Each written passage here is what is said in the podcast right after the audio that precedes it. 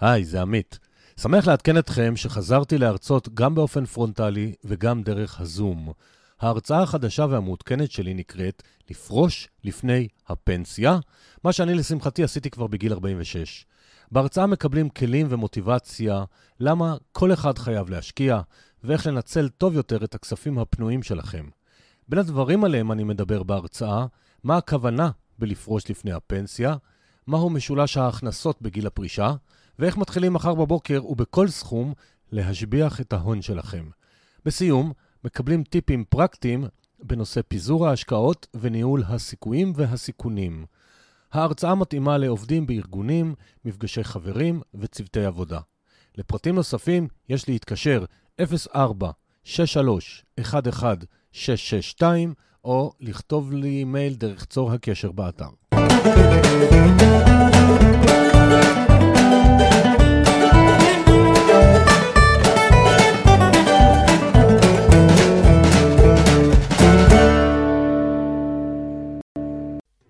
שלום לכולם, תודה שבאתם להאזין לפרק 58 שלנו בפודקאסט. אנחנו עדיין בתקופת קורונה, אה, אנחנו מקליטים אותו בתחילת פברואר 2021, אני לא יודע מתי תקשיבו לו, אז עדיין לצערי ההקלטה היא מרחוק ולא אחד ליד השני, אז אנחנו תלויים יותר באינטרנט. בינתיים בגדול זה עובד לנו. הרבה פעמים שאלו אותי למה אין מספיק אנשים במרכאות רגילים שעשו את מה שאנחנו מדברים, כי הרבה פעמים אני מביא בעלי מקצוע שמדברים מאוד מאוד ברהיטות על התחום שלהם, וביקשו לא מעט פעמים שאני אביא אנשים שגם עשו את זה. אז היום יש לנו פרק שלדעתי מוכיח שהכל אפשרי. אישה שתספר לנו בגילוי לב ואומץ מבחינתי על הדרך שלה, ומה שעוד יותר מעניין זה שהיא משלבת את הדברים שאני הרבה מאוד מדבר עליהם, שהיא גם שכירה והיא גם עצמאית והיא גם משקיעה בנדל"ן, והיא גם אימא לשלושה ילדים, וזה הכל משתלב לה. אז שלום, יעל. שלום, היי, התרגשות. זה כיף. אה, ככל שמתרגשים, זה מראה שאנחנו אוהבים את מה שאנחנו עושים, ואני גם מתרגש מכל פרק, למרות שזה 58. אז יעל ליפסקין היא בת 41, היא מהנדסת תוכנה ומנהלת מוצר בסטארט-אפ, היא מרצה ב Jolt על A-B testing, היא מלווה סטארט-אפים בחשיבה ושיווק דיגיטלי, והיא גם משקיעת נדל"ן בארץ ובחו"ל. ויעל, בניגוד לבדרך כלל שאני מתחיל מההתחלה, איתך אני מבקש להתחיל מהאמצע. והאמצע זה איך משנים mindset מלהיות רק שכירה, להיות גם עצמאית וגם משקיעה. אוקיי, okay, אז קודם כל נתחיל בשלום ושאני מתרגשת נורא. אמ, והסיפור שהגעתי אליו להיות אה, עצמאית אה, הוא בעצם אה, סיפור שהוא סוג של inevitable, סוג של בלתי נמנע מבחינתי, פשוט לא ידעתי מתי זה יקרה. גדלתי בבית שאבא שלי עצמאי כל החיים, אמא שלי אחרי הרבה שנים כשכירה גם הפכה להיות עצמאית, ובעצם אני יודעת מה זה להיות עצמאית מאוד מאוד מקרוב, על כל המשתמע, וזה תמיד מאוד מאוד הפחיד אותי. אמ, ולמדתי הנדסת תוכנה והלכתי והייתי שכירה ואני עדיין שכירה והצלחתי באמת כשכירה לעסוק במה שאני מאוד מאוד אוהבת, שזה ניהול מוצר. אמ, ולמעשה תמיד ידעתי שאני באיזושהי צורה אעסוק, אהיה עצמאית באיזשהו משהו, לא היה כל כך ברור לי במה. עם השנים זה הולך ומתחדד, אבל תמיד תמיד פחדתי, ולפתוח עסק עצמאי היה מבחינתי משהו שלא פשוט לעשות אותו. היה לי ניסיון כי בעברי הייתי אה, מדריכת אירובי, אז אה, שילבתי שכירה ומדריכת אירובי אה, כעצמאית, וזה היה לי מאוד מאוד מורכב ומאוד קשה, כי גם הייתי בשלב בחיים שהילדים היו קטנים, ו-it was too complicated. ואפילו שכבר עשיתי את זה בעבר, כשהייתי צריכה לפתוח את התיק עצמאי, שזה בעצם קרה בזכות הצטרפותי לג'ולט, אה, כדי לקבל את הכספים על ההרצאות שאתה מעביר, אתה בעצם צריך להיות אה, עוסק פטור. אה, ובעצם לא הייתה לי ברירה, ואמרתי, אוקיי, הנה זאת הזדמנות, ופשוט עשיתי את זה, למרות שזה דברים ש... זה פעולות מאוד מאוד טכניות, לפתוח תיק. עדיין היה מלווה המון חשש. אבל once עשיתי את זה, פתאום, פתאום זה היה נראה קל. ולמעשה, ככה הצלחתי לשלב. ומפה לשם הדברים התפתחו, והתחלתי ככה גם אה, לתת אה, ייעוץ אה, בתחום ה product ובתחום השיווק. ומפה לשם, הנה אני עושה את זה. לקח לי זמן ללמוד איך לשלב את זה, כי זה לא משהו שקל לשלב, בטח שאתה גם שכיר וגם עצמאי, ובטח שלא נד... אני עד היום עדיין קצת חוששת מלהיות עצמאית לגמרי, אבל עשיתי את זה, ולפעמים צריך אה, לזרום, והזרימה הזאת היא בעצם זאת שאפשרה לי. אז בעצם בתשובה שלך יש שני דברים שמסקרנים אותי, ואני רוצה ברשותך לשאול. אחד, אה, מי שלא מכיר, תספרי בקצרה מה זה ג'ולט, ויותר מסקרן, זה לאנשים שפחות מכירים, אני מכיר, אבל יותר mm-hmm. מסקרן אותי איך פנו אלייך, איך הגעת להיות uh, מרצה שם. אוקיי, okay, אז ג'ולט uh, היא פלטפורמה של uh, לימודי אונליין, סוג של MBA, uh, והיום uh, רוב הקורסים שלהם מתמקדים בהסבה להייטק. אמ, שמעתי עליהם, ראיתי אותם, ראיתי שהם מלמדים בתחום של ניהול מוצר, אה, וזה מאוד מאוד סקרן אותי ועניין אותי. גם אח שלי התחיל ללמד שם, ואמרתי, וואי, כאילו, יש לי הרבה ערך לתת, אני מתעסקת בתחום הזה הרבה זמן, בואו נראה מה הם מלמדים. והסתכלתי, והגשתי מועמדות, ומפה לשם התחלתי ללמד על A-B testing, שזה משהו שאני עושה אותו ביום-יום במקצוע שלי.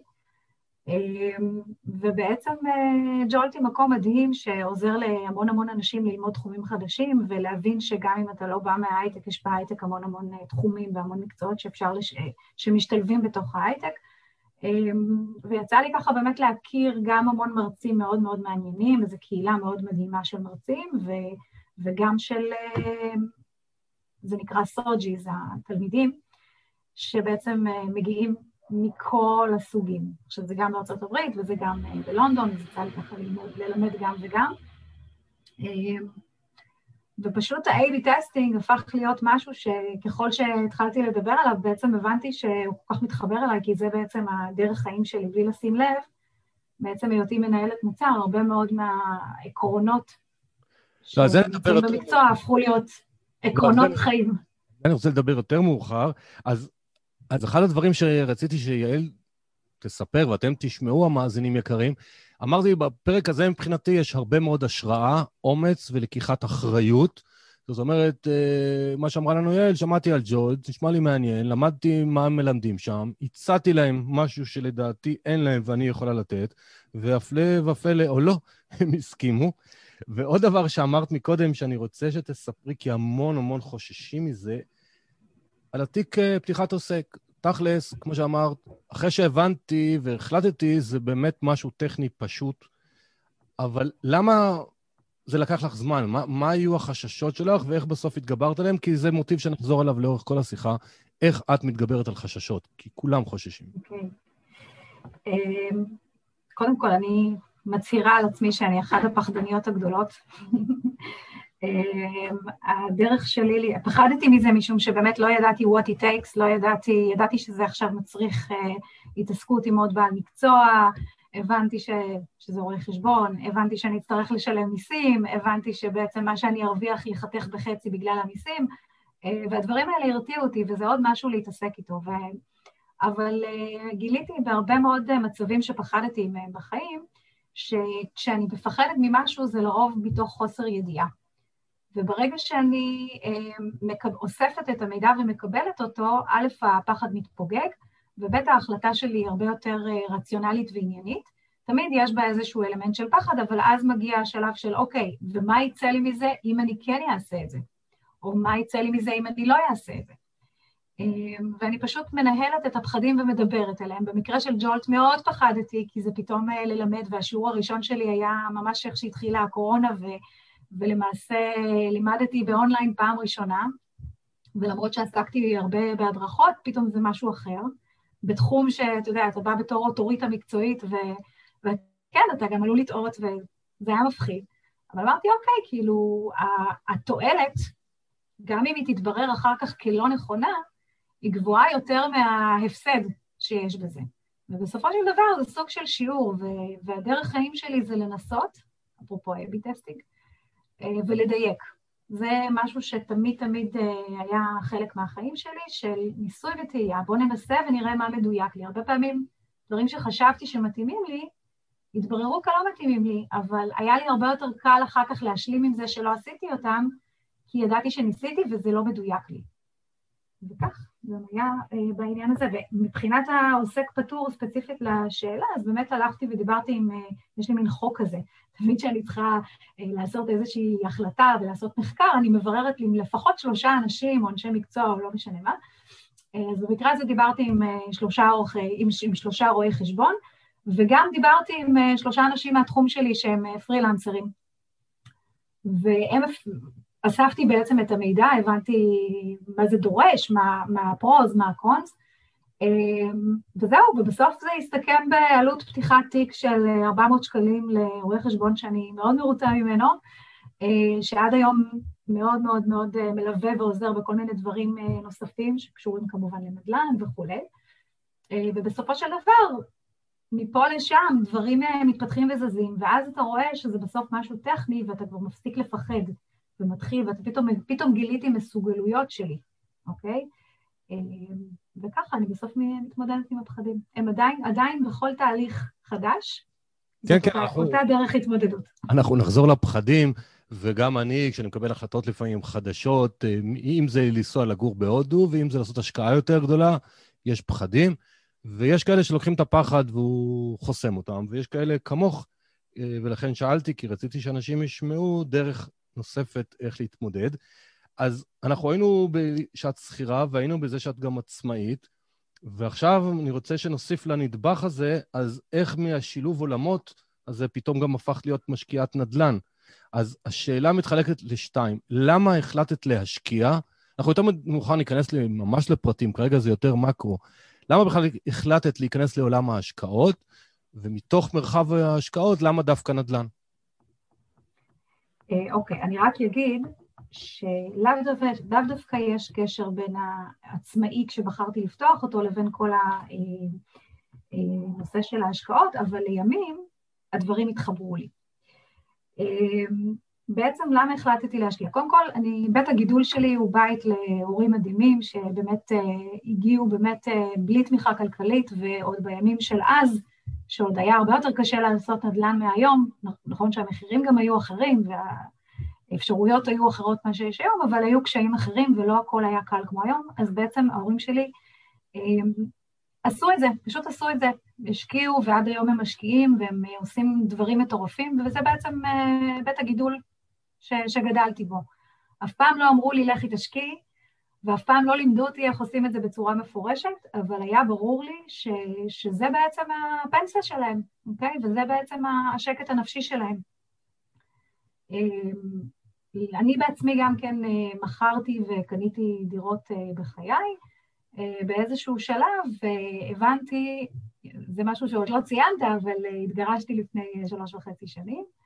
אה, ובעצם מכרנו את הבית שקנינו ביחד כזוג והייתה לנו עליו משכנתה, ואת הבית הזה מכרנו ומיד ידעתי שאני צריכה נכס שיניב לי הכנסה פסיבית. אה, ובאמת הלכתי ועשיתי את המחקר ומצאתי את הנכס הנכון וקניתי אותו, וזה היה ככה הדבר הראשון שבאמת אה, עשיתי בעצמי לבד. ושוב, כמו שאמרנו קודם, פחדו לי... רגע, רגע, רגע, רגע. פחדו לי הרגליים. רגע, שנייה, שנייה, שנייה. את אמרת פה מילה שאני לא אוהב שמשתמשים בה, ואז אני רוצה שתפרשי אותה... מה אמרתי? רגע, לא, זה... בעיניים. אמרת, מצאתי את הנכס הנכון. אז אה, פה המילה נכון, אני, לא, אני פשוט... הנכון עבורי, הנכון עבורי. או, אוקיי. לא, כן. אני מאוד רגיש למילה הזאת בעולם הכסף. אמ, כי באמת כל אחד צריך את הנכון שלו, והוא שונה לחלוטין. ותספרי לנו אז קצת אני פה גולש כבר לשאלה הבאה. בסדר, אז אני מבין, גדלת בבית שראית נדל"ן, לא לימדו אותך, אבל את הבנת שזה כלי חזק שיכול לעזור לך בעצמאות, כי גם התגרשת בדיוק. אז איך עשית את הצעדים האלה? איך אה, ידעת מה לקנות, איפה לקנות, מה זה הנכון שלך? תשתפי אותנו קצת בדרך. בגלל שמכרתי נכס ש...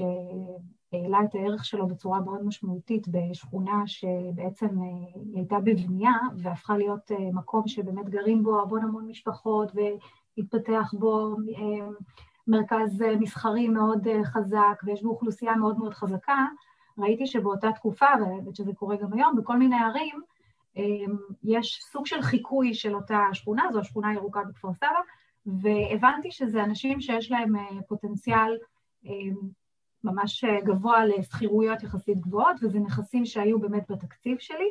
יכולתי לקנות את הנכס, ידעתי שתהיה עליית ערך, וכמובן גם בדקתי את זה בכל הכלים ש, שעומדים היום, שזה רשות המיסים, שזה מדלן וכולי וכולי. והלכתי, וידעתי שזה צריך להיות נכס שקרוב לי לבית, כדי שאני אוכל לנהל אותו, כי אני מבינה את המשמעות של לנהל נכס, כי ההורים שלי ניהלו הרבה מאוד נכסים. וידעתי שמאוד מאוד חשוב לי האוכלוסייה, כדי שבאמת אני אוכל לאכלס את הבית בדיירים, שהם יהיו דיירים טובים ועמידים, ושבסביבה הזאת יהיה להם את כל ה-facilities, כדי שהם יישארו לאורך זמן, facilities של, אתה יודע, בתי ספר, פארקים וכולי. ואז יום שישי אחד פשוט החלטתי, אמרתי, אוקיי, ביררתי עם כמה אדריכלים איזה שכונות הם מכירים שעונים על המאפיינים האלה, ופשוט הלכתי יום שישי אחד בבוקר, הלכתי לנתניה, והתחלתי להסתובב ברחובות של אותה שכונה שאמרו לי, שכונת אגמים, והתחלתי לפגוש אנשים, ופשוט התחלתי לדבר איתם, בלי לפחד, בלי להתבייש, והתחלתי, סליחה, פשוט לשאול. מצאתי בגן משחקים אישה מדהימה, שעד היום אני לא יודעת איך קוראים לה, אבל היא פשוט עזרה לי. שאלתי אותה, תגידי, את מכירה פה אנשים שמוכרים בתים? את מכירה פה את האוכלוסייה? והסתבר שזו מישהי שטיפלה בתינוקות, והיו לה לא מעט קשרים והכירה לא מעט משפחות בשכונה, והיא המליצה לי על איזושהי משפחה. ומסתבר שיש בשכונה הזאת הרבה משפרי דיור וכמה אנשים שרצו באותו, ממש באותו רחוב למכור את הדירות. פשוט הלכתי, דיברתי איתם, נתן לי את הטלפון, דיברתי איתם, הגעתי לאותו בית, האינטואיציה שלי הייתה מאוד חזקה לגבי הבית הזה, כמובן אחרי שאספתי המון המון מידע. הבאתי את ההורים שלי שהיו צריכים לחתום על הדבר הזה ומה שנקרא, לראות שהדבר הזה הוא באמת הדבר הנכון, קיבלתי את ברכתם. ובאותו יום ראשון כבר התחלנו תהליך עם עורכי דין, ועד היום טפו טפו טפו, יש לי שם גם דיירים מדהימים, כבר שלוש שנים. וזהו, וכך עשיתי את זה, פשוט ככה ברגליים. אחר כך חיפשתי דירות גם באזור חיפה, ופשוט ברגליים, ברגליים. מעולה, מעולה. אז שוב אנחנו רואים את המוטיב שמאפיין את יעל, זה החלטה, ואז לצאת לשטח. זאת אומרת, לא להישאר בגדר תיאוריות, אלא ממש לצאת ו- ולהסתובב ולשאול ולהתעניין, ואמרה לנו מקודם שלושה רואי חשבון, שלושה אנשים שכבר עשו את זה, ואז אני עושה איזשהו ממוצע ומוסיפה את הערך שלי. אז אני רוצה שעוד, אמרתי, אני מתחיל איתך מהאמצע ונלך להתחלה, ולסוף יהיה פרק קצת מבולגן, אבל זה בסדר, אני אוהב את זה. אז... לא, את ואני בטוח, אני מקווה שהמאזינים יעקבו. ועכשיו, אז כבר את בנכס ראשון, שני, עשירי, לא משנה המספרים ב- בישראל, ופתאום בא הנושא הזה של חו"ל. אז השאלה שמתבקשת מבחינתי, למה נדל"ן בחו"ל, ואיזה חו"ל בחרת, ואיך, כאילו, מה היו הקריטריונים? אוקיי, okay. אז הדרך הייתה, באמת, חו"ל היה נשמע לי הרפתקה מאוד מאוד מאוד מסעירה ולא בשבילי ומאוד פחדתי. אני אודה כאן לבחור בשם איציק שושן, שהוא המנטור שלי, שזה בחור שהכרתי אותו לפני איזה שבע שנים בעבודה, והוא ככה תמיד היה מראה לי את הנכסים שהוא היה קונה בפראג, בברלין, בפה, בשם, ופשוט הוא היה, היה לו מין קטע כזה של הוא קונה את הנכסים והוא הולך ומשפץ אותם, ואז הוא ואשתו באים לשם ומעצבים את הבית עם איקאה, ופשוט מדהים, הוא היה מראה לי את זה. וזה פשוט היה מדהים בעיניי. וכשהוא סיפר לנו, הוא באמת בא אלינו הביתה וסיפר לנו לפני כמה שנים על איך הוא עושה את זה, זה מאוד הבהיל אותי. אבל תמיד איציק היה לי בראש, כי הדרך שלו הייתה מאוד מאוד יפה בעיניי, וראיתי שהוא יודע לעשות את זה גם בחו"ל. כשחיפשתי את הנכס השני שלי בארץ, היה לי מאוד קשה, מאוד מאוד פחדתי, נעזרתי בגיל רוזנברג, האיש עם הפטיש, שבעצם ידעתי שיש לי המון ידע בנדל"ן מדברים שעשיתי בארץ ואני כבר יודעת הכל, אבל הייתי צריכה מישהו שיקח אותי ביד. ולמעשה גיל נתן לי את הפוש הזה, והסכום שהיה לי היה בעצם, אפשר לי לקנות רק באזורים של 500 אלף שקל, והשוק שבחרתי היה חיפה. והתחלתי לבדוק ולבחון ולעשות מחקרים, ו... גיליתי שוב את היכולות שלי בהתנהלות מול מתווכים, בכיתות רגליים, בלהבין אה, איפה עובדים עליי ואיפה לא, בלהביא בעלי מקצוע כדי להעריך את הנכסים וכולי, איך להוריד מחיר וזה. בסופו של דבר, אה, כמעט וסגרתי פעמיים על נכס, אבל בסופו של דבר כשהסתכלתי על המספרים, ואני תמיד מסתכלת על המספרים, אקסל נותן לי המון המון אה, כוח בהחלטות, כי בסופו של דבר הוא מנטרל לי את הרגשות, כן? הוא פשוט, אני מסתכלת על האקסל, ובאקסל המספרים לא הסתדרו, פשוט לא הסתדרו. לא היה נראה לי הגיוני לקנות דירה שעולה 500 אלף שקל, שאני אצטרך עוד להשקיע בה, ובסוף לקבל תשואה של שלוש וחצי. במקביל, אה, נחשפתי לקבוצת אה, ממריאים לחופש כלכלי בפייסבוק, וכמובן לפודקאסט שלך, והתחלתי, אמרתי, אוקיי, כאילו, אנשים עושים את זה, וכמו שאישה בהיריון פתאום רואה שכולם בהיריון, פתאום התחלתי לראות שלעוד חברים טובים שלי יש נכס בארצות הברית, ועוד ועוד ועוד, ואמרתי, אוקיי, בוא נבדוק את זה, בסדר? בוא נראה מה זה הדבר הזה. לא יכול להיות שכולם טועים. נכון, יש סיפורים של אנשים שלא הלך להם והיו להם בעיות, וחברה הכי טובה שלי, כן, כמעט איבדה נכס בארצות הברית, זה המקרה הכי קצה, אבל בסוף גם זה לא קרה, ואמרתי, טוב, בוא נבדוק. התחלתי ללמוד, התחלתי לחקור, אה, לא הלכתי הפעם, איך? אני בדיוק באה לספר איך, איך פשוט אה, קראתי המון, אה, ובסופו של דבר, כמו שאמרתי לך, יש גבול לכמה אתה יכול לשבת על המחשב ולקרוא ולשמוע מאנשים. בסוף פגשתי יזמים שעושים את זה. אה, עשיתי ביניהם השוואות, הבנתי את ה... את ה יש המון, המון דמיון, דרך אגב, המון דמיון לנדל"ן בארץ. אה, ובאמת, בארצות הברית יש המון שקיפות באיך שהמידע מתווך, ואיך אפשר למצוא אותו בדיוק, אפילו, אפילו קצת יותר מהארץ. אה, ומצאתי את השחקן אלפא שלי, כמו שלמדתי מעמית ואגר, אה, ובאמת הלכתי ופשוט אמרתי, טוב, אני יכולה לשבת וללמוד את הדבר הזה שעות, ימים, אוקיי? אבל בסכומים שמדובר עליהם, זה סכומים שגם אם אני לוקחת את הריזיקה, ונניח הכי הכי גרוע יכול לקרות, שמתי את הפחד הכי גרוע שאני מאבדת את הנכס, אוקיי? אז הלכו 70 אלף דולר, אוקיי? כנראה שזה לא ימוטט אותי. כמובן, כל אחד ויכולותיו. דרך אגב, לימים גם uh, הצטרף אליי, הבנתי שכדי לפזר את הסיכונים, גם יותר נכון ללכת עם משקיעים נוספים. הצטרף אליי בן זוגי, ובעצם ככה פיזרנו את הסיכונים, והתחלנו עם נכס ראשון, למדנו את זה, דיברתי עם המון יזמים, uh, שהם סתם אנשים פרטיים שחיים באותה עיר שהשקעתי בה, השקעתי באינדיאנפוליס, הברית, אה, יש שם, מסתבר, הרבה מאוד יזמים ישראלים, גם אה, שעושים את הדברים עבור עצמם וגם עבור משקיעים אחרים, ודיברתי איתם, והם עזרו לי לבחון נכסים, והראו לי איך הם מסתכלים על הדברים, ופשוט, פשוט עשיתי, אוקיי? כאילו, פחדתי בטירוף, נלחצתי בטירוף. אה, הייתי צריכה גם לקחת הלוואה, שזה משהו שבחיים לא עשיתי, ופתאום גם נכנסתי לתוך עולם של איך לוקחים הלוואה ומה זה אומר ואיך בודקים מה ההלוואה שנכונה לי. אה, אבל בסוף, מ-70 אלף דולר זה הפך להיות 35 אלף דולר, כי נכנסתי לזה עם בן זוגי, ואז עוד יותר פיזרתי את ה... מה שנקרא, היה לי את היד ביד הזה שהייתי צריכה אותו. אה, וזהו, פשוט עשיתי, והיום אנחנו כבר בנכס השני. אה, והמילה פליפ כבר לא מפחידה אותי. וגיליתי שידע הוא כוח, אני עושה את הדברים בצורה מאוד מאוד מאוד זהירה. אני יכולה להגיד שאני שואלת המון שאלות את היזמים שאני הולכת איתם, לא לכולם זה מתאים. יש יזמים שמעדיפים שיבואו אליהם משקיעים שלא ישאלו שאלות, אה, אבל מכיוון שמבחינתי זה משהו שאני מאוד אוהבת אותו ומאוד רואה בו עתיד, בסופו של דבר החלום שלי, שזה בעצם המהות, החלום שלי זה לחיות בחופש, אוקיי?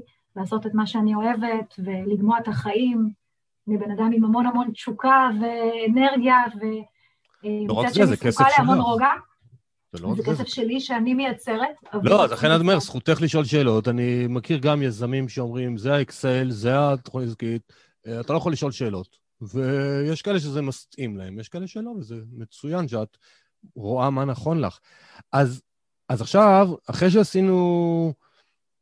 אנחנו נמצאים עכשיו שאת גם עצמאית ואת גם משקיעה בארץ ובחו"ל, והשאלה שמתבקשת מבחינתי עכשיו, איך סביבת החברים שלך והסביבה המקצועית קיבלו את יעל החדשה? אני לא שואל על משפחה, אני שואל על החברים, המכירים, הסביבה המקצועית, כי פתאום יש יעל חדשה, היא גם עצמאית, היא גם משקיעה, קיבלו את זה נחמד, זה נראה להם מוזר, זה נראה להם טריוויאלי, ברחו ממך? אף אחד לא ברח.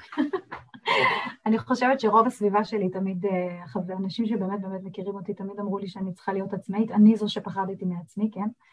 אמ, אבל אה, באמת כאילו, מה שאני עושה כשכירה, אני מאוד אוהבת את זה, זה, זה לא שאני ככה נגד זה או משהו. אמ, אני יכולה להגיד לך ש... אני לא חושבת שהסביבה שלי השתנתה, הסביבה שלי כן רואה בזה המון המון אומץ והשראה. הפער בין המסוגלות שלהם לבוא ולהצטרף לדבר הזה ולהריץ את זה הוא מאוד מאוד גדול, אוקיי? זאת אומרת, הם, אולי לא ניסחתי את זה נכון, אבל בגדול גם החברים שלי שנמצאים בסביבתי, אה, יש לא מעט כאלה שהם משקיעים, מסתבר, גיליתי את זה עם הזמן, לא כולם מדברים על זה, אבל יש את אלה שמעדיפים להישאר, הנושא הזה נורא נורא מאיים עבורם. כסף זה דבר שנורא מאיים עבורם. כן, אז זה אנחנו נדבר עוד מעט, רגע, יעל, על זה אנחנו נדבר עוד מעט, עוד מעט. אז אני יכולה להגיד לך רק לענות על שאלתך, אני לא מרגישה באופן אישי שזה שינה לחלוטין את הסביבה שלי, כי בסופו של דבר אני מאוד, זה כן הכניס המון אנשים חדשים לחיים שלי, זה כן, אבל זה לא שהפסקתי לדבר עם אנשים שהם כבר לא ב mindset הזה, אני פשוט דיברתי איתם על נושאים אחרים, כאילו זה לא, לא אני לא מרגישה שבסביבה שלי זה יצר איזושהי, איזשהו אנטי. להפך. לא, סבבה, כי פשוט מניסיון שלי, גם אישי וגם של הרבה מאוד אנשים שאני מלווה אותם, כשאנשים לפעמים מתפתחים למקום שאת מתפתחת, יש אנשים שזה מאיים עליהם, מפחיד עליהם, ופשוט מנתקים קשר, וזה מצוין, כי אנחנו בסוף צריכים להיות בסביבה שטובה לנו. ואם הסביבה שלך עדיין נעים לך איתה, וזה זה מצוין, כאילו עוד יותר טוב מאשר להחליף. אני חושבת שהסביבה שלי התחלפה כשהתגרשתי. כל מה שאמרת עכשיו הוא מאוד מאוד נכון. את הכאפה הזאת כבר קיבלתי בזמן הגירושים, ומכיוון שהתהליך הזה היה לטובה, היום מי שנמצא לידי הוא מי שבאמת מכיר את יעל ומוכן להכיר אותה על כל הגוונים שלה, ולכן כשהגיע כל השינוי הזה בעולם של הנדל"ן וההשקעות ועצמאות, זה היה אך טבעי, זה סוג של אה, פריצה שמה שנקרא, כולם, כל מי שלצידי הבין שזה צריך לקרות ו- ושמחים בשבילי. אבל אני מאוד יכולה להבין אה, בדיוק למה אתה מתכוון. אז נמשיך רגע בנושא הזה של אה, מפחדים קצת מכסף.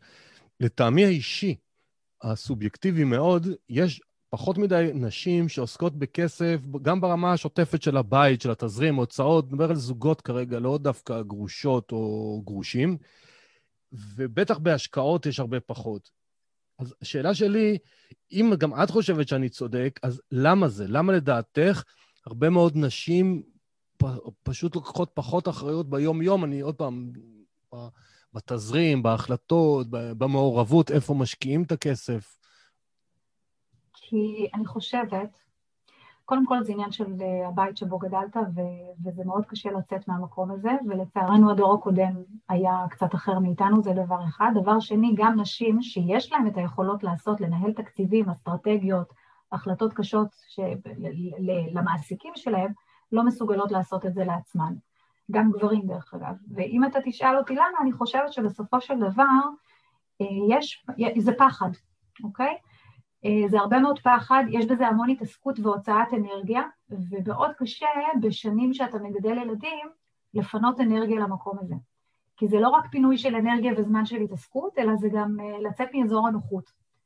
אה, אבל הרבה אנשים רוצים חופש, וזה משהו שאני דרך אגב לא מצליחה להבין, שהרבה אנשים נורא רוצים חופש, אבל הם לא מוכנים לשלם כביכול את המחיר של להעמיק בנושא הזה, כי זה מה שיביא להם את החופש. אתה יודע, כל אחד יש לו חופש, הגדרה אחרת לחופש. עבורי, עבור הרבה אנשים שסביבי, הם לא היו רוצים לעבוד כל הזמן, אוקיי? הם היו רוצים שיהיה להם זמן לפנאי ופחות יהיו לחוצים.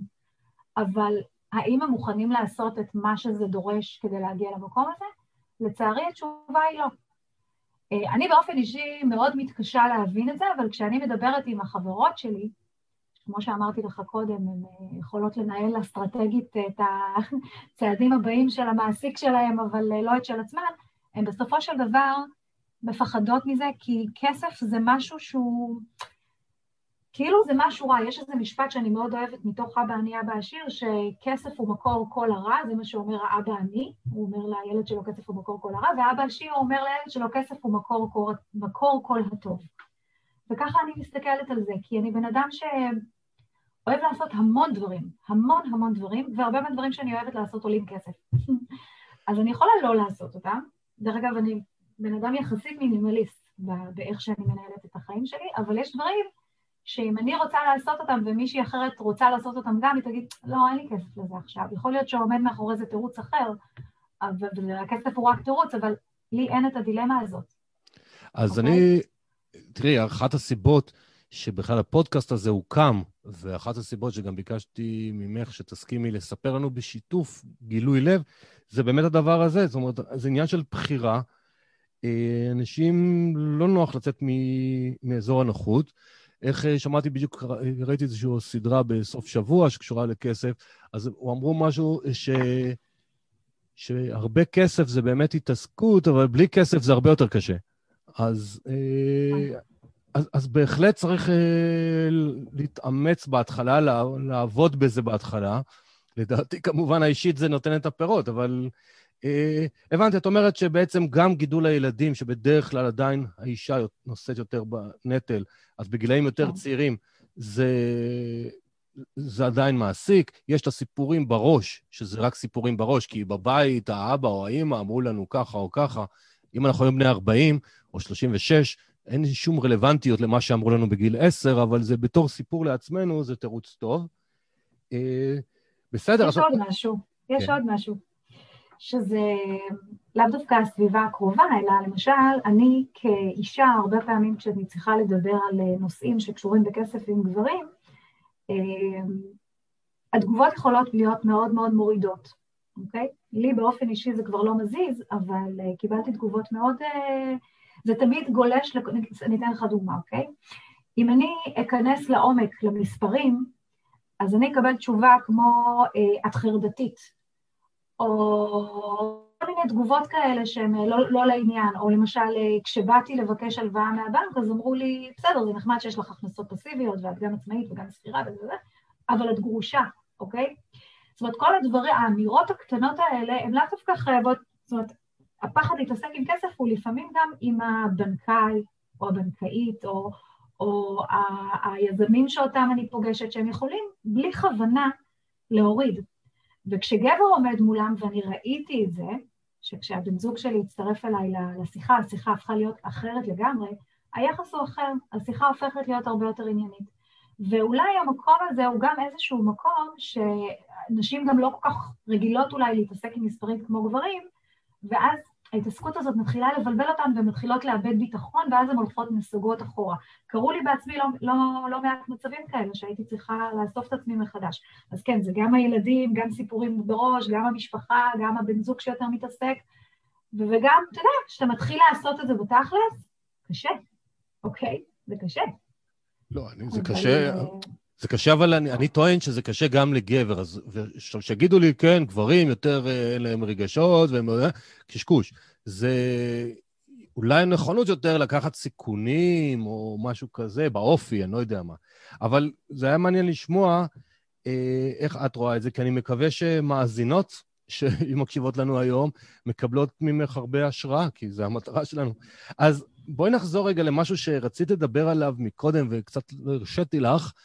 אה, המקצוע הזה של A-B testing, אני יודע שזה עוזר לך גם בחיים בכלל וגם בעולם ההשקעות. בואי תספרי לנו קצת איך את משלבת את כל ה-A-B testing הזה של הדרך החשיבה לחיים המקצועיים, לחיים ההשקעתיים. נכון. נכון, אז קודם כל נסביר מה זה A-B testing למי שלא מכיר. A-B testing יש קורס ב Jolt, שמעתי, מרצה מעולה. יש קורס ב Jolt. למעשה זה דרך סטטיסטית שבכלל הגיעה מעולם המחקר והמדע, שבעצם אומרת, אה, יש איזושהי אה, תיאוריה, יש איזושהי אה, הנחה שאנחנו רוצים לבדוק אותה. אז אנחנו בעצם, לצורך העניין, לוקחים את כל ה traffic שמגיע למוצר, כן, אני באה מעולם המוצר, אז יש לנו את המשתמשים שמשתמשים במוצר, ואנחנו רוצים לעשות איזשהו שינוי חשיבתי באיך שהם משתמשים במוצר, או שינוי של שימוש, ואז אנחנו בעצם לוקחים קבוצה קטנה מתוך אותה קבוצת אה, אה, משתמשים, ובודקים עליה איזושהי הנחה. ואז מתוך המספרים, מתוך הדאטה, מתוך התגובות של היוזרים, מתוך השימוש בפועל, אנחנו מבינים האם זה היה נכון או לא, ומה צריך לדייק. אז רגע, יעל, לפני שאת ממשיכה, אני רוצה להסביר את כל מה שאמרת במילים קצת יותר פשוטות למי שפחות בקיא. תדמיינו שאתם נכנסים לאתר של אה, אמזון לצורך העניין, או אתר בעברית, וואלה שופ, לא יודע איזה אתרים יש בעברית שקונים, ויש לכם את כפתור הקנייה שכתוב לכם קנה כאן בצבע כחול, ובאתר אחר הוא בצבע אדום. עכשיו, אם אני רוצה לדעת אם אדום יותר טוב מכחול, אני יכול להחליף לזמן מסוים, נגיד, את הצבע, ולראות אם זה ממיר לי יותר טוב או לא יותר טוב וכולי. זאת אומרת, זה כל מיני שימושים נכון. שעושים, ולא סתם כנראה אמזון החליטו על כתום, כי כנראה הם עשו את הבדיקות שלהם והם בכתום. אז כן, עכשיו, עכשיו נכון. תספרי לנו איפה זה החיים שלך אה, נעזרת בזה. אז הכחול והכתום מבחינתי זה בעצם ההחלטות שאני עושה, אוקיי? יש לי הנחות מסוימות, יש לי מטרות מסוימות, אוקיי? המטרות שלי מאוד ברורות לי, לא תמיד הדרך ברורה, אוקיי? ואז אני uh, מחליטה, אני מבינה שאני צריכה לעשות איזשהו צעד. עכשיו, לי יש את שיטת הפתיתים, כן? אני כמו ב-AB testing, לא ישר uh, מחליפים כפתור אדום בירוק, אלא קודם כל בודקים את זה על קבוצה קטנה, עובד עובד, לא עובד, חוזרים חזרה למקור, לכפתור המקורי. אז אותו דבר, זה מה שאני עושה פה. יש לי את המטרה, יש לי את החזון, uh, אני יודעת איך אני רוצה להגיע לשם, ברור לי שאני לא אגיע להכל בבת אחת, וצריך לחלק את זה למיילסטונים. במסגרת כל מיילסטון, דרך אגב, בהתחלה מיילסטונים מאוד קטנים אצלי, כי אני, בגלל הפחד, אני דואגת שהמיילסטונים יהיו קטנטנים. ניסיון קטן. ואז אני עושה ניסיון. רגע, תסבירי מה זה מיילסטון, מי שפחות בא מעולם התוכן שלך. מיילסטון זה אבן דרך, אוקיי? יש לי יעד, יש לי מטרה, אני רוצה להגיע אה, לנקודה, מנקודה א' לנקודה ב', ואני צריכה לעבור בדרך איזשהו, איזושהי דרך, צריכה לעשות כמה פעולות. אז אני אתחיל בפעולה הראשונה. אני לא אתמקד עכשיו בכל מה שמפחיד אותי בהמשך. אני אתחיל, אני אתן לכם דוגמה. אם אני רוצה עכשיו אה, לקחת אה, הלוואה, הלוואה כלשהי, ואני מתה מפחד, רק המילה הזאת מלחיצה אותי, אוקיי? אז, אה, ואני יודעת שיש כל מיני הלוואה, בלון, גרייס, whatever וזה, אני אלך עכשיו, אני אלמד מה זה בכלל אומר אה, הלוואה, אני אסתכל איך, איזה הלוואות יכולות להיות, ואז אני פשוט ארים טלפון לבנק, או למקום שממנו אני רוצה לזה, ואני אדבר עם נציג. לא עשיתי עוד שום דבר, אה, רק אספתי מידע, אה, שמתי את הדברים על אקסל, ואז עברתי אה, לבנק הבא, לצורך העניין, אוקיי? והתחלתי לאסוף את הנתונים. לאט לאט אני לומדת יותר ויותר ויותר, בסוף אני, כל הנתונים נמצאים בפתחי, ואני עכשיו מתחילה לקבל החלטה האם אני עושה את זה או לא עושה את זה. עכשיו, האם אני אקח עכשיו הלוואה של 200 אלף שקל? לא, שקשקו לי הביצים, כן? בואו נהיה כנים. אז אני לוקחת הלוואה קטנה, שההחזר שלה הוא משהו שאני אוכל לישון טוב בלילה, ואני רואה איך הדבר הזה עובד. אני מבינה את זה.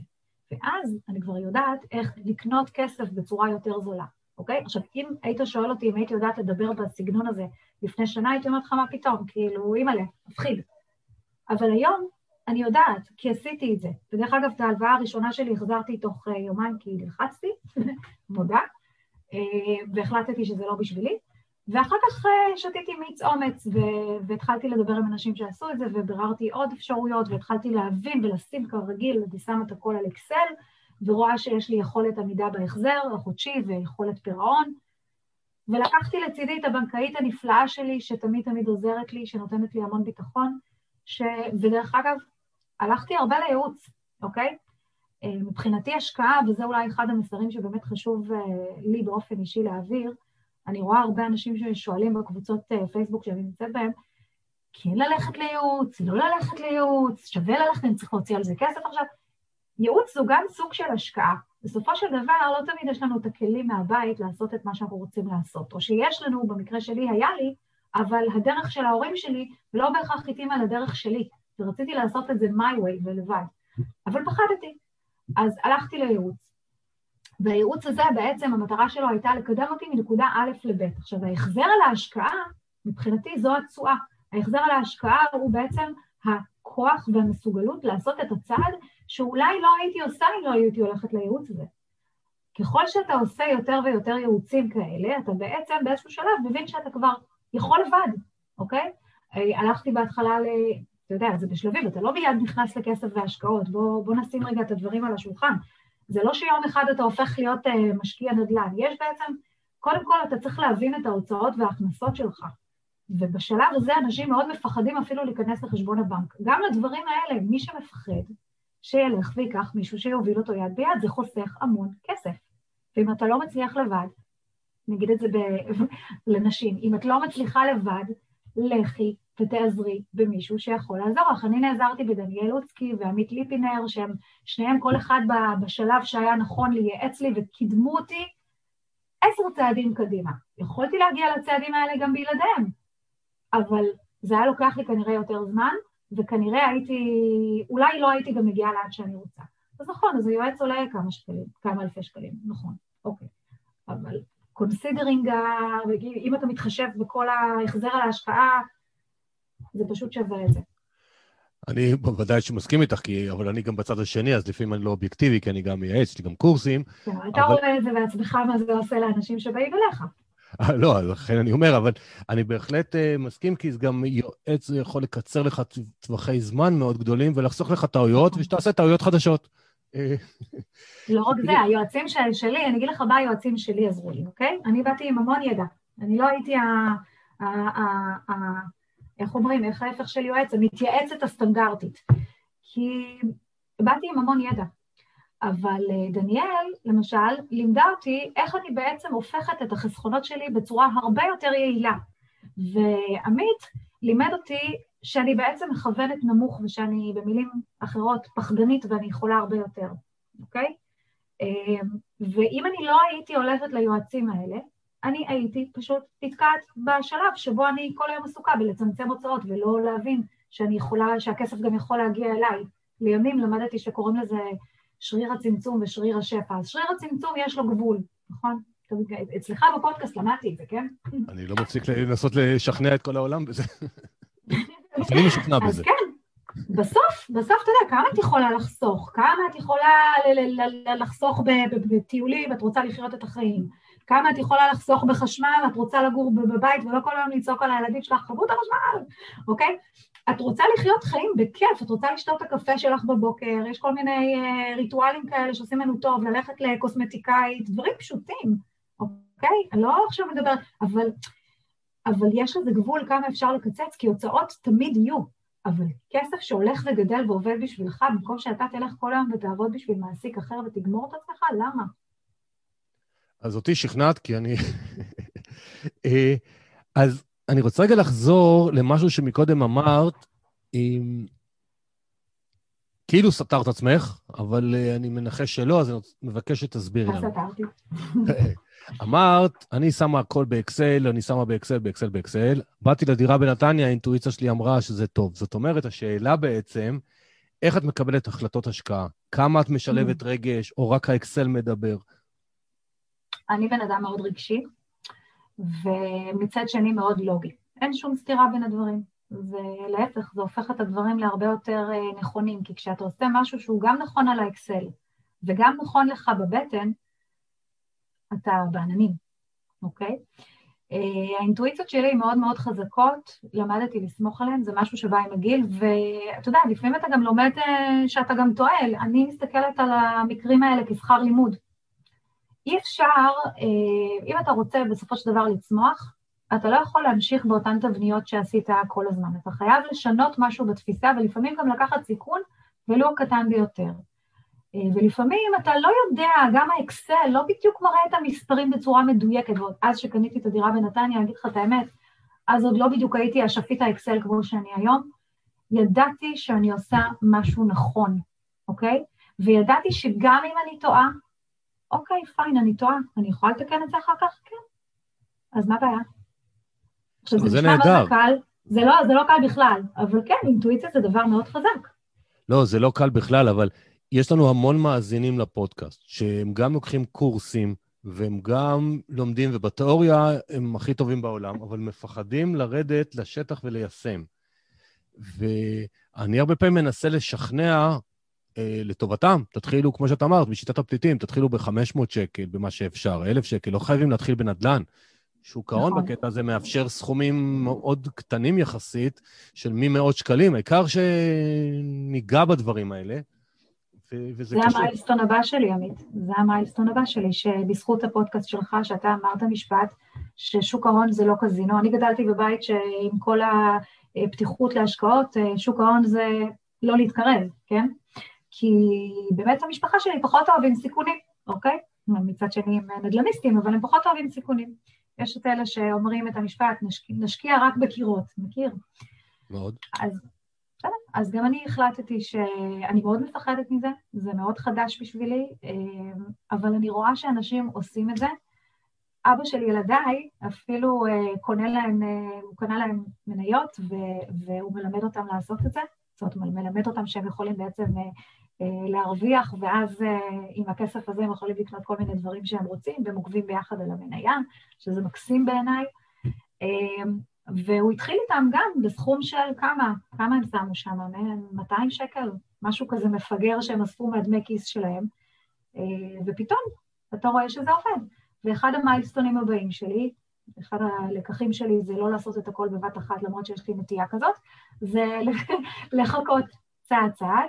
אז יש לי כרגע עוד השקעה שאני ככה עומדת לסיים אותה, והדבר הבא שהצבתי לעצמי כמטרה זה באמת להתחיל עם סכום מסוים, הקצבתי לעצמי 5,000 שקלים. אה, זה הסכום שאני יכולה לעמוד בו כרגע, וזה שכר הלימוד שלי. לא, זה נהדר, העיקר להתחיל. אז, נכון. אז, אז, אז מה זה בשבילך בעצם, היום כשאת אחרי, לא יודע אם שנתיים או כמה זמן שאת כבר בעולם ההשקעות, מה זה בשבילך בעצם ההרגש, התחושה הזאת, ההרגשה הזאת של שליטה בכסף וההתעסקות בפיננסים? תשתפי אותנו קצת ב, ביעל הפרטית, לא יעל המקצועית. יעל הרגשית. חופש, זה חופש, זה חופש, זה... תראה, אני אה, הגעתי, הייתי, הייתי בהייטק תמיד בסטארט-אפים. סטארט-אפים זה מקום שאתה נהנה בו בטירוף, מגלה בו את עצמך בכמה וכמה רמות ומתפתח. ומצד שני אתה גם עובד מאוד מאוד קשה, וזה גם, יש המון המון דברים דינמיים שלא תלויים בך, ואתה יכול למצוא את עצמך בחוץ מאלף סיבות, תוך דקה. לא משנה גם אם היית רוקסטאר, אוקיי? אמ, ולמעשה, אין לך באמת שליטה. כשאתה קונה נכס, אה, או עושה איזושהי השקעה, אז אתה בן אדם יותר רגוע. זאת אומרת, לא כל הזהות שלך ולא כל הקיום שלך תלוי באם המעסיק הזה עכשיו יפשוט רגל, יחליף מנהל, לא יאהב אותך, לא משנה מה, יעשה שינוי ארגוני, לא משנה מה. אתה בעצם, יש לך את הסייף, את, ה, את הרשת הביטחון שלך, ולי באופן אישי כיעל, זו תחושה של חופש. זה מה שזה בשבילי. לא, זה נהדר. כי... ואני גם מזל קשת, אז מזל קשת מאוד מאוד, חייבים חופש. טוב, זה אני פחות אה, בקטע, כן. אבל אני אומר, גם הפרק 57, אה, אנחנו 58, שהיה עם איתן עזריה, דיברנו על איך אתה מפריד בין האדם שהוא, האבא, אימא, אה, האדם לעצמו, לבין המקצוע. ואת אמרת שכמשקיע, לא כל הזהות שלך וכקיום שלך תלוי במעסיק, זו הגדרה נורא יפה בעיניי, כי, כי ככה אני הרבה פעמים הרגשתי. הייתי שכיר המון שנים, היום אני עצמאי, אבל עדיין אני, יש תנודתיות, וכשיש מקורות הכנסה שאינן תלויות, אם בבוקר התעוררתי עם מצב רוח טוב או מצב רוח רע, זה פשוט עושה את החיים נוחים יותר וקלים יותר, זה מגניב. אני חושבת שגם היום, במיוחד בעידן של היום, אני לא חושבת שיש ברירה אחרת. אה, אני חושבת שדיברו על זה הרבה גם בתחילת הקורונה, ועכשיו בכלל כל העולם מתעסק עכשיו באיך אה, מייצרים הכנסות ואיך... אה, כאילו המודעות הכלכלית מאוד עלתה. אני חושבת שאני מסתכלת על עצמי או על הילדים שלי, קשה לי להאמין שהם יתעסקו רק בדבר אחד, ולהיות ורסטילית זה דבר נהדר. אז uh, זה בעיניי כבר בלתי נמנע היום. אה, לכן התחלתי שאת משלבת את הדברים שאני מנסה לשכנע הרבה אנשים, להיות שכיר, עצמאי, משקיע, ולא משנה הסדר, אבל לא חייבים להיות בכולם, אבל יותר מאחד לפחות. יותר מערוץ הכנסה אחד. אני אגיד לך משהו על זה. אני אגיד, אם אני יכולה לתת איזשהו... לא יודעת, טיפ, משהו שעזר לי, לעשות את כל הדברים האלה זה ג'ינגול. אתה, אתה כל הזמן עובר מקונטקסט בדבר אחד לקונטקסט אחר, ואתה כל פעם אה, צריך אה, לג'נגל בין העולמות. פעם אחת אתה מרצה, פעם אחת אתה עובד בחברה, פעם אחת אתה פרילנס, פעם אחת את אימא, פעם אחת את בת זוג. זה קשה, אוקיי? אחד הדברים שלמדתי שכדי להצליח לעשות את הדבר הזה, יש שני דברים שנדרשים, שזה ניהול זמן וניהול אנרגיה. וברגע שאתה, אה, אתה, כל אחד היום משקיע אנרגיה בדברים, נכון? עכשיו, אם אתם, יש לכם איזשהו חלום מסוים, אתם מבינים שהוא מצריך איזושהי אנרגיה מסוימת ואתם נורא רוצים להגיע אליו, אז תחשבו איזה אנרגיה אפשר להחליף אותה בשביל להכניס את האנרגיה לחלום שלכם. זאת אומרת, זה סוג של, זה גם משאב, אוקיי? וזה בסופו של דבר אילץ אותי להיפרד מכל הנוטיפיקציות ו- ו- ולצאת מהנוטיפיקציות של הפייסבוק ולפתוח, ללמוד לפתוח את הטלפון רק פעם בשעתיים ולא כל uh, חמש דקות, um, וללמוד מה זה נוכחות ברגע, ופשוט להיות, אפרופו אנשים, אנשים שלא טובים לך כבר לא יכולים להיות בסביבתך, יש את ה... אה, מי שלוקח ממך אנרגיה ויש מי שנותן לך אנרגיה, אז אתה לומד למנן, כמובן בלי לפגוע באף אחד. כדי, כדי שבאמת תוכל לעשות את הגם וגם וגם וגם. כן, אני, אני, אני חושב... מאוד. זה, זו תמיד השאלה, אם אני רואה בערב את האח הגדול או גמר נינג'ה, או שאתה לומד משהו מקצועי ורואה וובינר מקצועי, או שלפעמים אנשים אומרים לי, תגיד לי, מה פתאום אתה בערב? אתה מרצה גם, ו... או שאתה רואה איזשהו משהו מקצועי, מקשיב וובינר. כי אני החלטתי לעצמי שאני רוצה להיות בתהליך למידה קבוע, עוד פעם, לא שבעה ימים בשבוע, לא כל הזמן, מנסה למנן את זה, אבל זה חלק מהבחירה, כמו שאמרת, בין ניהול זמן לניהול אנרגיה. זה... וויתרת בסוף על אה, לשבת בערב ולראות נינג'ה מדי פעם? אני לא ראיתי אף פעם למען האמת, רק אתמול, שבהיתי במשהו אחר, לא שאתמול בערב לא עשיתי, אבל שמעתי את אה, אשתי ואת הבת שלי צופות ב... ב... בגמר נינג'ה. אני הסתכלתי על איזושהי סדרה שגיליתי, של אה, מי שלא מכיר, יש את ה-Undercover ביליונר, עכשיו עונה שנייה, וזה התחיל אה, כי בארץ הם מתקדמים, ואז גיליתי שיש עונה ראשונה, מצאתי אותה ביוטיוב, וראיתי אתמול שלושה או ארבעה פרקים מרתקים, וכנראה היום ומחר אני אגמור אותה, זה שמונה פרקים. אז... אה, מגניב, ובקטע the good news, ככל שיש לך יותר הכנסות פסיביות, יש לך יותר זמן לראות את ה... את הסרטים האלה בסוף הערב ולהתבטאת על הספה, השאלה היא מה אתה מוכן לעשות בשביל זה, והרבה אנשים... לא, לא רק זה, אבל לא זה גם מבחינתי, נגיד, הסדרה הספציפית הזאת, גם יש בה המון תובנות מקצועיות של מיליונר, כאילו, מאוד מרתקת גם מקצועית לדעתי. אה, אני רוצה לשאול אותך, אה, ופה זאת שאלה מבחינתי, שאת תחליטי עד כמה את נכנסת אליה או לא, כמו כל דבר, אבל פה במיוחד. אה, בוא ננסה. אני מנחש שבין המאזינים והמאזינות שלנו יש כאלה שאו שהם גרושים גרושות, או שהם מתלבטים האם לעשות את הצעד או לא. אם את מוכנה מניסיונך לאלה שעוד מתלבטים כן או לא, אנחנו לא יועצי זוגיות כמובן, ולא מעודדים לא גירושים ולא נישואים, אבל מבחינה כלכלית, איזה נקודות את חושבת חשוב למישהו, ולא משנה אם זה גבר או אישה שרוצים להתגרש, אה, איזה, בעולם הכסף, על מה לשים לב, מה כדאי להם לשים לב, לחשוב? אה, אוקיי, אז, אז כן, אז זה מאוד חשוב לי שאמרת, כי אני ממש לא מקדמת גירושים. הרבה אנשים פונים אליי לשאול אותי, אני, אני לא עוזרת בזה, אני בעד נישואים טובים ומאושרים. אה, אני יכולה לספר מה אני עשיתי, אוקיי? שבדיעבד אה, הוכח כ... כמוצלח. לפני שהתגרשתי, קודם כל תמיד ידעתי להתנהל כלכלית, אה, תמיד ידעתי מה ההכנסות ומה ההוצאות, ונכון שבן זוגי לשעבר באמת היה טיפה יותר on top על החלק הפיננסי בבית, אני תמיד הייתי מעורבת, וזה מצחיק, כן? כי עד שהכרתי אותו הייתי חיה רעה בעניינים כלכליים, התחתנו ופתאום הלכתי אחורה, זה קצת היה מצחיק. אה, וזה הפתיע אותי אפילו בעצמי, כי כאילו כל אחד הוא היה שר האוצר של הבית, אבל באיזשהו שלב הבנתי שטוב, אוקיי, אני כנראה הולכת לצעד הזה, בוא נראה אם אני אוכל לעמוד בזה. ותכננתי, זה אולי יפתיע כמה אנשים, אבל uh, תכננתי. הבנתי וחקרתי מה זה אומר מה זה אומר בעצם אה, להיות, אה, לנהל בית לבד? מה זה אומר מבחינת השכונה שבה אנחנו נחיה, כמה שכירות, כמה ארנונה? גיליתי שיש הנחה לגרושים בארנונה. אה, עשיתי את החישוב של, נגיד, הילדים אצלי חצי מהשבוע, מה זה בעצם אומר מבחינת מים, חשמל, אוכל. ראיתי מה הבר מה, מה, מה החסכונות שיש, עם מה אנחנו יוצאים כשאנחנו מוכרים את הבית, מה אני הולכת לעשות עם הכסף הזה, וידעתי לתמחר את היום שאחרי. שוב, אקסל. אמ, אני חושבת שהיה לי גם חשוב בתוך התהליך הזה לראות שלא רק אני ידע להסתדר, אלא גם הגרוש שלי. זאת אומרת, היה לי חשוב לראות שבעצם אה, אנחנו כנראה נחיה באותה, היה ברור לנו שאנחנו גרים, נגור באותה סביבה, והיה לי חשוב שגם כשהוא יוכל, אה, שהילדים יהיו אצלו בבית, הם לא יחוו פער מאוד מאוד משמעותי בין אבא לאמא, ושהם ירגישו טוב. גם פה וגם פה, ושזה אומר שיהיה להם את הדברים שהם צריכים, ושעדיין אני לא אוותר על עצמי, אוקיי? שעדיין אני אוכל לעשות את הדברים שאני רוצה. אה, ופשוט המחרתי את זה והבנתי מה אני עושה. אה, אני חושבת ש... תראה, בגלל שהמצב הכלכלי שלי יחסית היה יציב, אני לא יודעת בדיוק להגיד מה העצה הנכונה עבור מי שלא נמצא במקום הזה, אבל כן אפשר להתחיל לייצר תשתיות, אוקיי? למשל, אפשר להתחיל לייצר תשתיות כמו אה, להתחיל לעבוד במשהו ולהתחיל לנהל חשבון בנק באופן עצמאי כדי לראות איך הדבר הזה קורה, כי הרבה מאוד אה, אנשים, בעיקר בעולם של אה, גרושים וגרושות, החסמים שנתקלתי זה שהרבה אנשים לא בכלל יודעים איך להתעסק עם כסף, זו פעם ראשונה בעיקר אצל נשים, אני חשופה בעיקר לשיח עם נשים, אז אני מדברת כמובן על מה שאני חשופה אליו.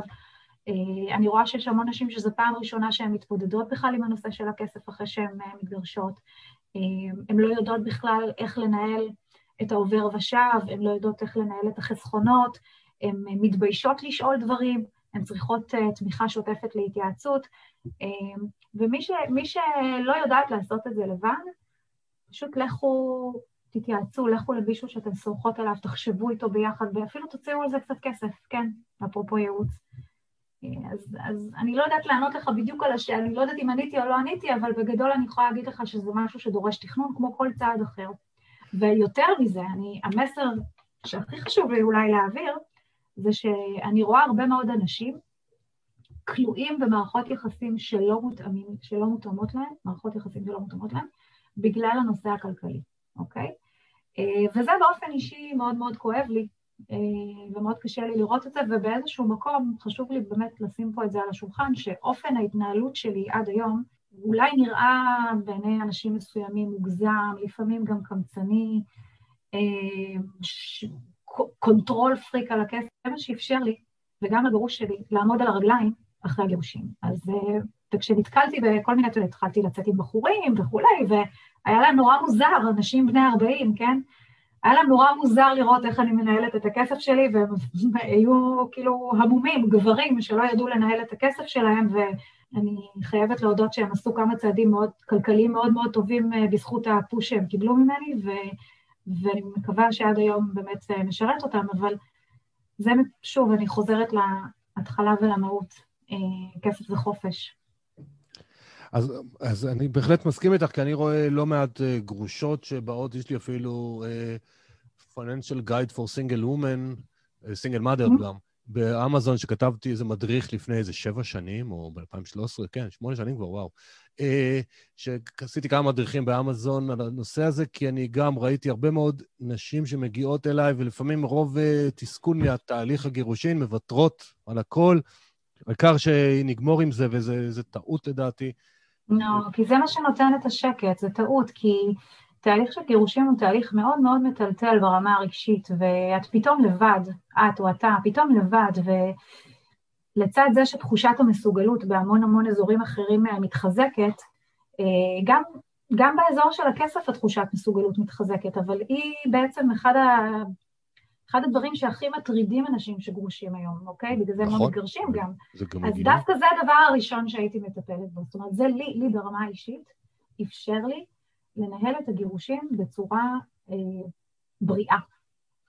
יופי, אז אנחנו ממש לקראת הסוף, ואם את מכירה או לא מכירה, אז בסוף אני מבקש מכל מרואיין ומרואיינת לתת לנו שלושה טיפים פרקטיים לחיים, מניסיון החיים שלך, קשור לכסף, השקעות, מה שאת רוצה. יכול להיות שדיברנו על זה, יכול להיות שזה משהו שחשוב לך ולא שאלתי, אז תני לנו שלושה, שלוש מתנות. שלוש מתנות, וואו, אוקיי. אז uh, קודם כל נראה לי שבהתמודדות עם, פחד, עם פחדים, אז uh, קחו ממני את שיטת הפסיטים. אה, שיטת הפציטים, slash A-B testing, slash whatever, תרשו לעצמכם uh, לטעות גם אם זה בקטן ולנסות, כי הערך של זה מדהים. ותחושת המסוגלות מתחזקת ואז כל הדרך נפרצת, זה דבר אחד. אה, דבר שני, אני חושבת שכל אחד צריך לשאול את עצמו איזה כלים יש לי בארגז שמאפשרים לי לעשות את מה שאני עושה, כי אם אני יודעת לעשות עבור המעסיק שאצלו אני עובדת, את, אני יודעת uh, לעשות כל מיני דברים, כמו לבנות אסטרטגיה, לבנות רודמפ, לנהל תקציב, לעשות מחקר, uh, לרתום שותפים לתהליך, לנהל פרויקט, לדייק תוכנית עסקית, אני יכולה לעשות את זה גם לעצמי. אז שבו עם עצמכם, תעשו את הרשימה הזאת, מה אני יודע לעשות היום כשאני עושה את זה עבור אחר, איך אני עושה את זה עבור עצמי. אני, ברגע שעשיתי את זה, הכל השתנה. Uh, טיפ אחרון, uh, טיפ אחרון, אני חושבת שהוא דווקא קשור לנושא של uh, ניהול אנרגיה. כל התהליך הזה הוא תהליך סוחט אנרגטית, אני לא אשקר פה לאף אחד. זה תהליך שבעצם מעמת אותך עם הקצוות הכי קשים של עצמך, וה integrity העצמי צריך לפעול פה שעות נוספות, uh, וצריך לנהל אנרגיה בזמן הזה. וצריך לשים לב טוב מאוד למה הם ה energy givers שלי, מה נותן לי אנרגיה, ומה הם ה energy takers שלי, מה לוקח ממני אנרגיה. אמ, אתם יודעים, החיים זה, החיים זה בעצם מסע, ואם אנחנו נדמיין את זה, מסע עם תיק קטן על הגב, שבתיק הזה יש יכולים, הוא נורא נורא קטן ויכולים להיכנס אליו רק רק רק דברים שעוזרים לי בדרך, כי זה מסע מאוד קשה, אז אני לא אכניס אל התיק הזה דברים שמפריעים לי.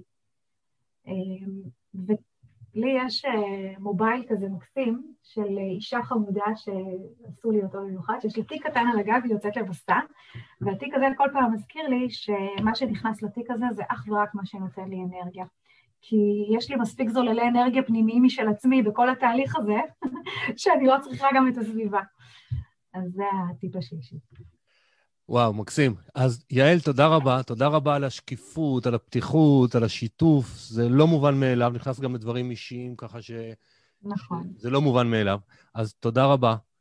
אני ו... רוצה גם להגיד לך תודה, עמית, כי אחד הדרכים שקידמו אותי מאוד בתהליך שלי, וזה גם הסיבה שבאמת אה, נוצר בינינו הקשר לקראת הפרק הזה, הפרקים ש...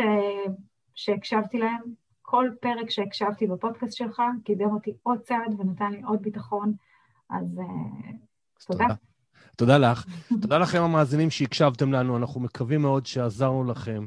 Uh, מי שלא מכיר, במקרה הגיע לפרק הזה, אז פרקים קודמים אפשר למצוא באתר שלי, זה www.2invest.co.il. ספרו לחברים, לשכנים, להורים, לילדים על הפודקאסט, ושיהיה לנו טוב, ונשתמע בפרק הבא. תודה, תודה לכולם.